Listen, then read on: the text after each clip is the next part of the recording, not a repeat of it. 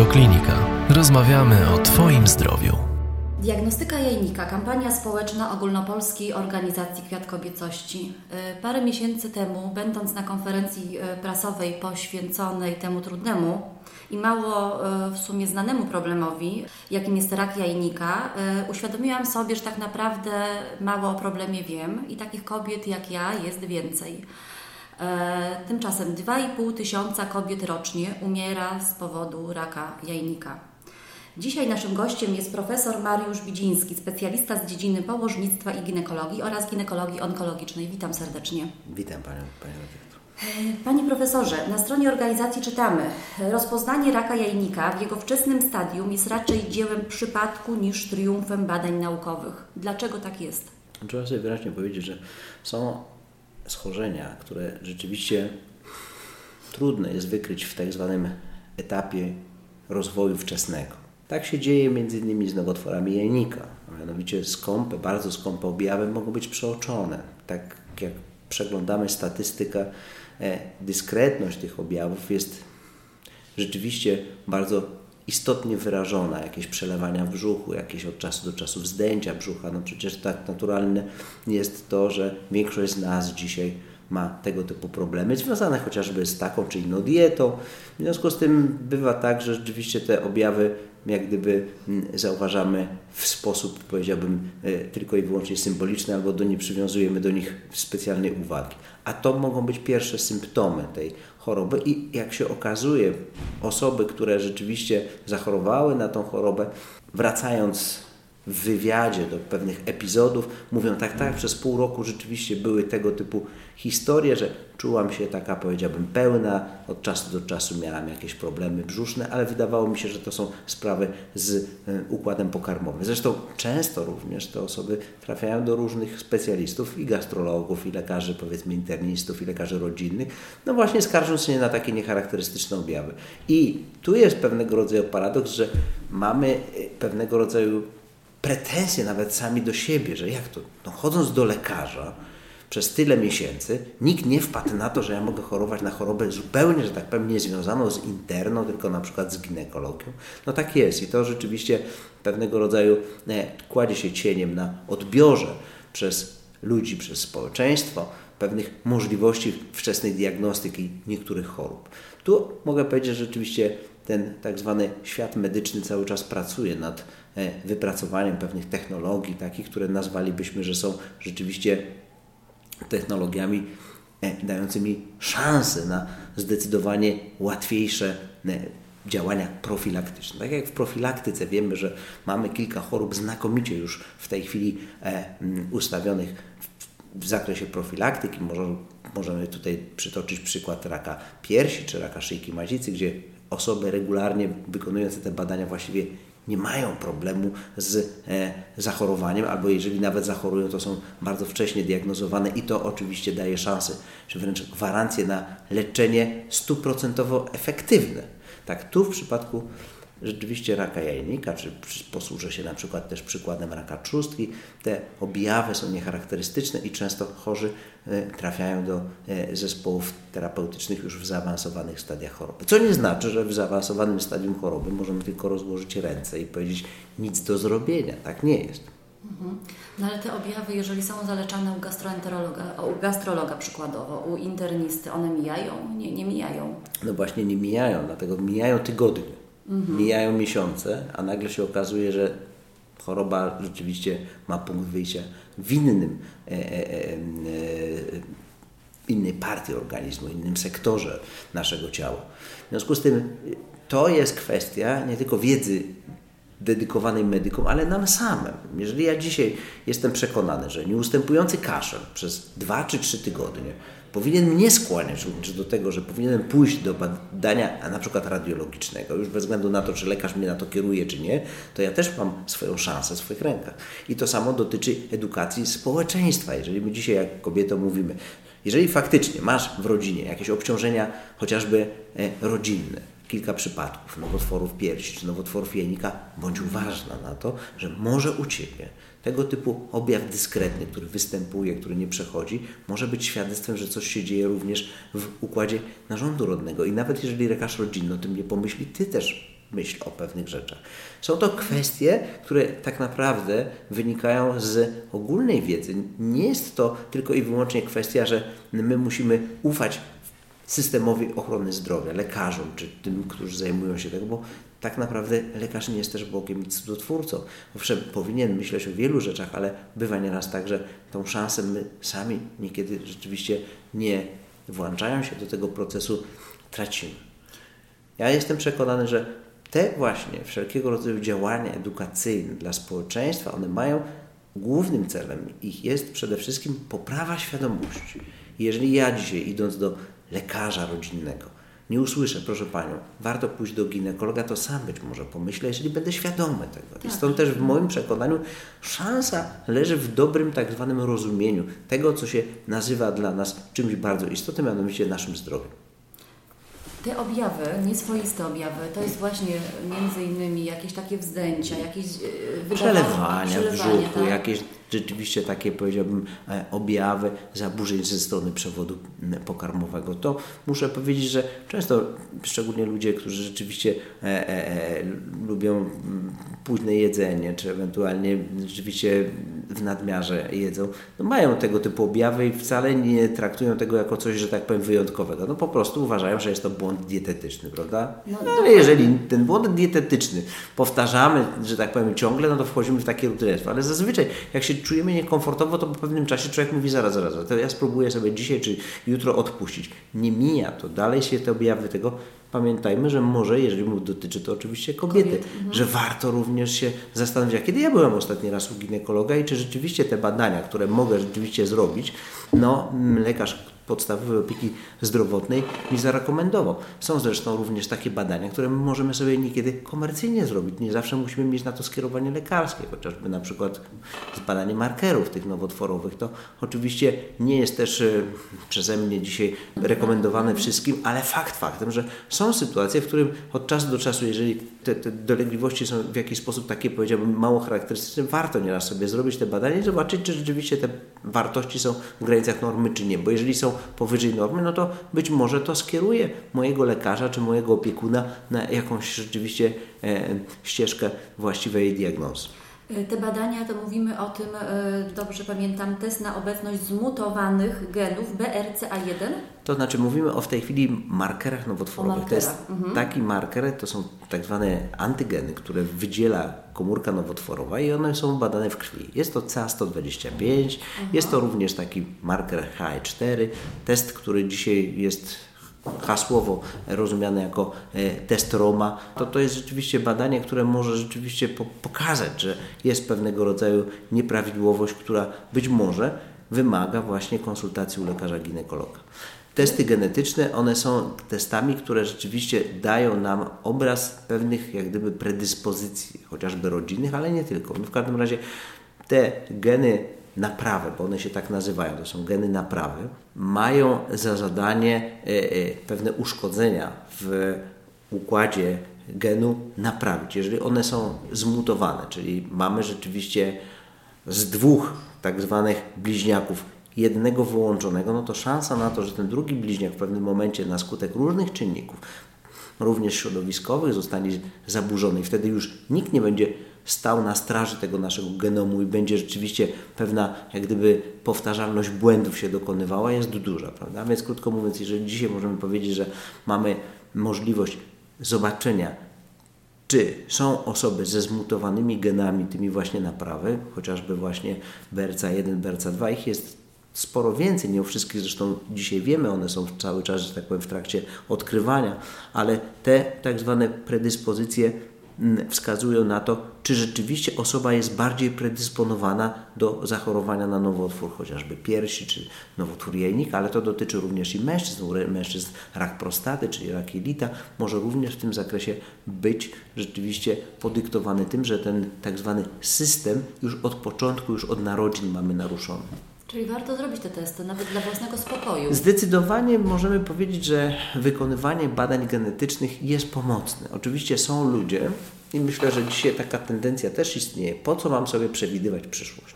Tak? no, mogę tylko powiedzieć, ok, ja, jeżeli nie będę przewidywał przyszłości, to jestem narażony na skutki tej przyszłości. A jeżeli ja mogę sobie przewidzieć przyszłość, w cudzysłowie oczywiście, to być może będę bardziej wrażliwy na pewne rzeczy. I u kobiet, u których jest mutacja BRCA1, te osoby są oczywiście pod bardziej troskliwą opieką państwa. Możemy wykonywać nie tylko badania mammograficzne, ale również badania rezonansu magnetycznego, które są rzeczywiście refundowane przez państwo, a te badania pokazują nam te tak zwane e, guzki czy nowotwory na bardzo wczesnej fazie rozwoju, chociażby takiej kilkumilimetrowej. W przypadku rozpoznania raka piersi, gdzie guzek ma kilka milimetrów, mamy stuprocentową gwarancję, że my go wyleczymy i niekoniecznie musimy uciekać się do metod bardzo radykalnych, czyli tak zwanych no, metod e, e, e, definitywnych, usunięcia piersi itd. Tak Takie guzki dzisiaj możemy leczyć przy pomocy e, zabiegów z zaoszczędzeniem piersi, co dla kobiety jest bardzo istotne. To jest właśnie ta cała potęga działań w zakresie profilaktyki, jak również działań tak zwanych e, logicznego postępowania, no, poprzez wykrywanie pewnych stanów chorobowych na bardzo wczesnym e, etapie ich rozwoju. W zakresie e, raka piersi czy nowotworów takich jak rak szyjki macicy, te nowotwory rozwijają się przez wiele lat. A więc krótko mówiąc, jeżeli ktoś regularnie wykonuje badania, a wie, że ma na przykład mutację w takim genie, no to de facto jest w jakiś sposób uwrażliwiony na to, że te badania musi wykonywać dużo częściej. I nawet jeżeli wykryjemy u niego raka, to jesteśmy w stanie go postawić na nogi i to wcale bez konieczności działań takich, powiedziałbym, niezwykle mhm. traumatycznych. Mhm. A jakie badania y, kobieta powinna robić, żeby y, tego raka jajnika, którego ewentualnie, ewentualnie może się pojawić, y, no, jak najszybciej wykryć? Znaczy, patrząc dzisiaj z punktu widzenia raka jajnika, to, to odpowiedź na to pytanie jest niezwykle e, skomplikowane, bo testy, które zostały przyjęte jako te tak zwane ogólnie obowiązujące, czyli badanie ultrasonografem przezpochwowym, prawda, czy tam sądu przezpochwowego, do tego wykonywanie badań na markery z użyciem przede wszystkim tego CA125 nie okazały się wystarczająco czułe i mhm. specyficzne, a więc ilość tych tak zwanych przypadków wcześniej wykrytych wcale nie była taka duża. Natomiast wchodzą nowe testy, nowe testy polegające na tym, że e, mamy do czynienia z ilością ilościową oceną pewnych substancji białkowych w e, surowicy krwi, które mogą rzeczywiście nas naprowadzić wcześniej na wcześniejsze rozpoznanie. Jest taki test OWA1, który został zaakceptowany w Stanach Zjednoczonych przez FDA. Ten test coraz częściej jest jak gdyby testowany w również e, innych populacjach i wydaje mi się, że idziemy w tym kierunku, żeby oznaczać konstelację pewnych substancji w organizmie, czyli w surowicy krwi, które pozwolą nam określić w jakim elemencie ryzyka jesteśmy. Oczywiście u osób, które których są predyspozycje rodzinne, chociażby na przykład, gdzie dwie osoby, minimum dwie osoby z pierwszej czy drugiej linii pokrewieństwa zachorowały na raka piersi albo raka jajnika, no to przeprowadzony wywiad genetyczny upoważnia nas, mówię w tej chwili nas jako system, mhm. do wdrożenia w tych rodzinach odpowiedniego programu jeszcze większego nadzoru, wykonywania bardziej e, e, e, dokładnych badań obrazowych, wykonywania częściej tych badań, tak żebyśmy mogli te choroby wykrywać potencjalnie na wcześniejszym etapie rozwoju, co nie znaczy, to jest znowu sytuacja tego typu, że badania profilaktyczne dają nam stuprocentową gwarancję. My możemy powiedzieć, że zwiększamy prawdopodobieństwo wykrycia, ale niestety nie jesteśmy w stanie powiedzieć, że u każdej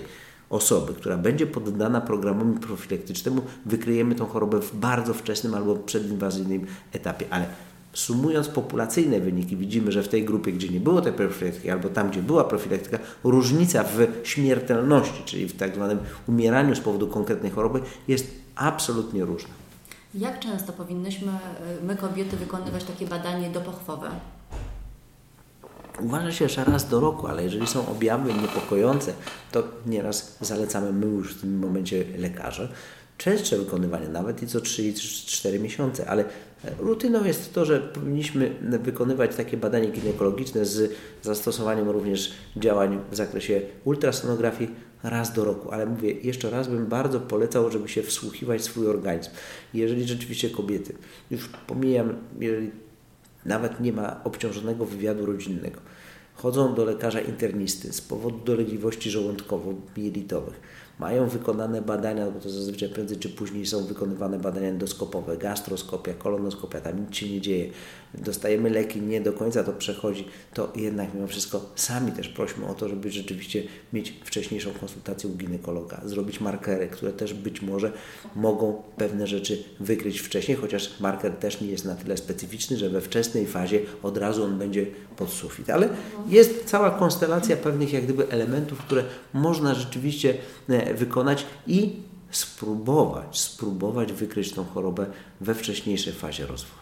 Czyli tak jak Pan Profesor mówi, tak zrozumiałam, kluczowe jest jednak obserwowanie własnego organizmu. Zdecydowanie, zdecydowanie. Znaczy ja uważam, że dzisiaj wiedza na temat y, tej tak zwanej e, specyfiki różnych chorób jest nam potrzebna. To trzeba powiedzieć, Pani sama mówi, przez ileś tam lat Pani nie słyszała o takich rzeczach, nie. ale dzisiaj po tej tak zwanej mojej prelekcji być może będzie Pani świadoma i nawet jeżeli przyjdzie nie Pani, ale któraś z koleżanek powie, wiesz co, ale mam takie bóle brzucha od dwóch czy trzech miesięcy choroba, zrobili mi dużo badań, ale nic. A kiedy byłaś u ginekologa? No dwa lata temu. Słuchaj, pójdź ty do tego ginekologa, niech ci zrobi jeszcze badania, może USG, może marker. O choroba, no zobacz, okazuje się, że trafiliśmy. Warto rozmawiać ze sobą. No, warto przede wszystkim wiedzieć i rozmawiać. Tak. Mhm. Nie, nie. Tajemnice pod tytułem, że coś mi dokuczę albo e, e, nie domagam, myślę, że w tej chwili już e, zostały przełamane w środowisku, prawda? Tak jak się kiedyś uważało, nie wypada mówić o chorobach, bo to tak traktować mnie będą jak trendowatego.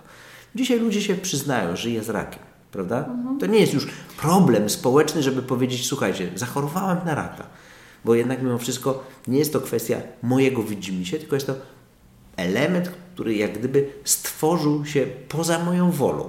My chorujemy nie dlatego, że, że tak powiem, my tak chcemy, tylko po prostu są pewne konstelacje różnych, że tak powiem, uwarunkowań, które powodują, że zachorowaliśmy i tu nie ma powodu, żeby się wstydzić tego.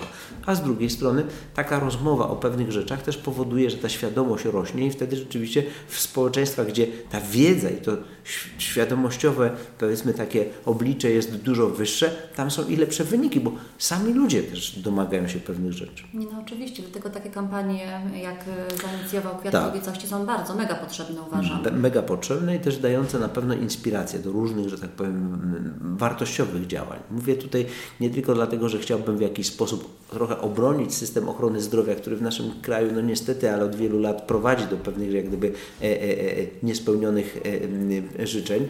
Mamy dzisiaj poczucie tego, że jednak mimo wszystko ten układ ochrony zdrowia nie jest satysfakcjonujący, ale jeżeli ja jestem świadomy pewnych rzeczy, to nawet jeżeli rzeczywiście ten system nie jest w stanie mi zaproponować, to ja sam sobie pewne rzeczy jestem w stanie e, zorganizować. Wykupić badanie ginekologiczne, nawet, że tak powiem, w gabinecie prywatnym, czy ewentualnie w spółdzielni, to nie są koszty, które by przerastały większość ludzi. Fakt.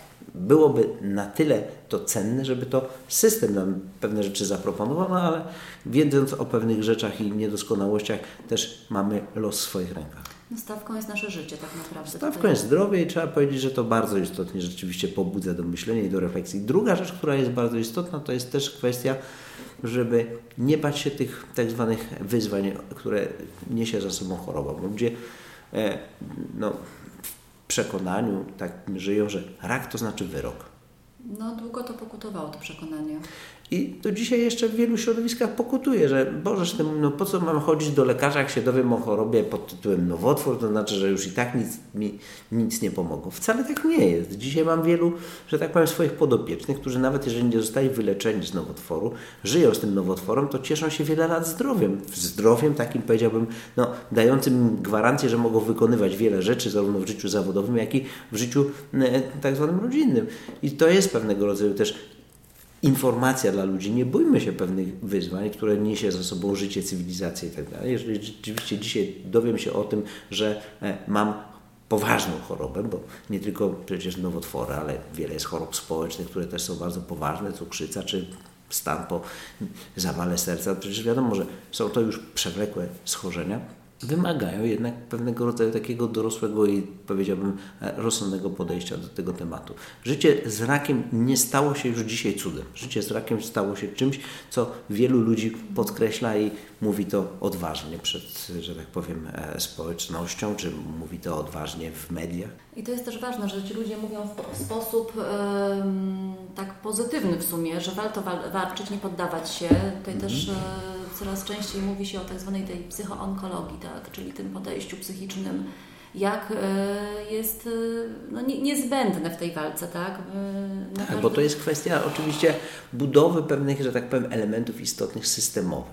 Jeżeli człowiek rzeczywiście wierzy i ufa w to, że ta tak zwana ścieżka, którą podejmuje, może mu pomóc, a jednocześnie też widzi pewne efekty, może się zmierzyć z pewnymi elementami, co jest bardzo istotne z punktu widzenia też przykładów, które na co dzień odbieramy, no to to dodaje sił bardzo bardzo. Psychoonkologia jest na pewno bardzo ważną dziedziną, jeżeli chodzi o e, e, tę tak zwaną dyscyplinę, którą ja reprezentuję, czy onkologię, bo sama medycyna jako taka, ona nie zawsze jest w stanie e, dać nam gwarancję tak zwanego dobrego samopoczucia, wręcz przeciwnie.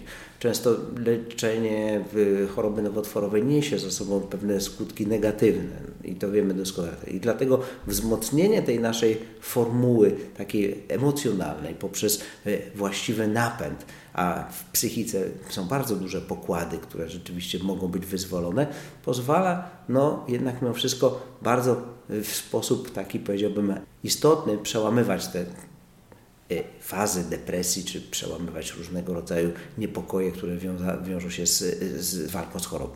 Panie profesorze, bardzo serdecznie dziękuję za rozmowę. Proszę bardzo. Więcej audycji na stronie radioklinika.pl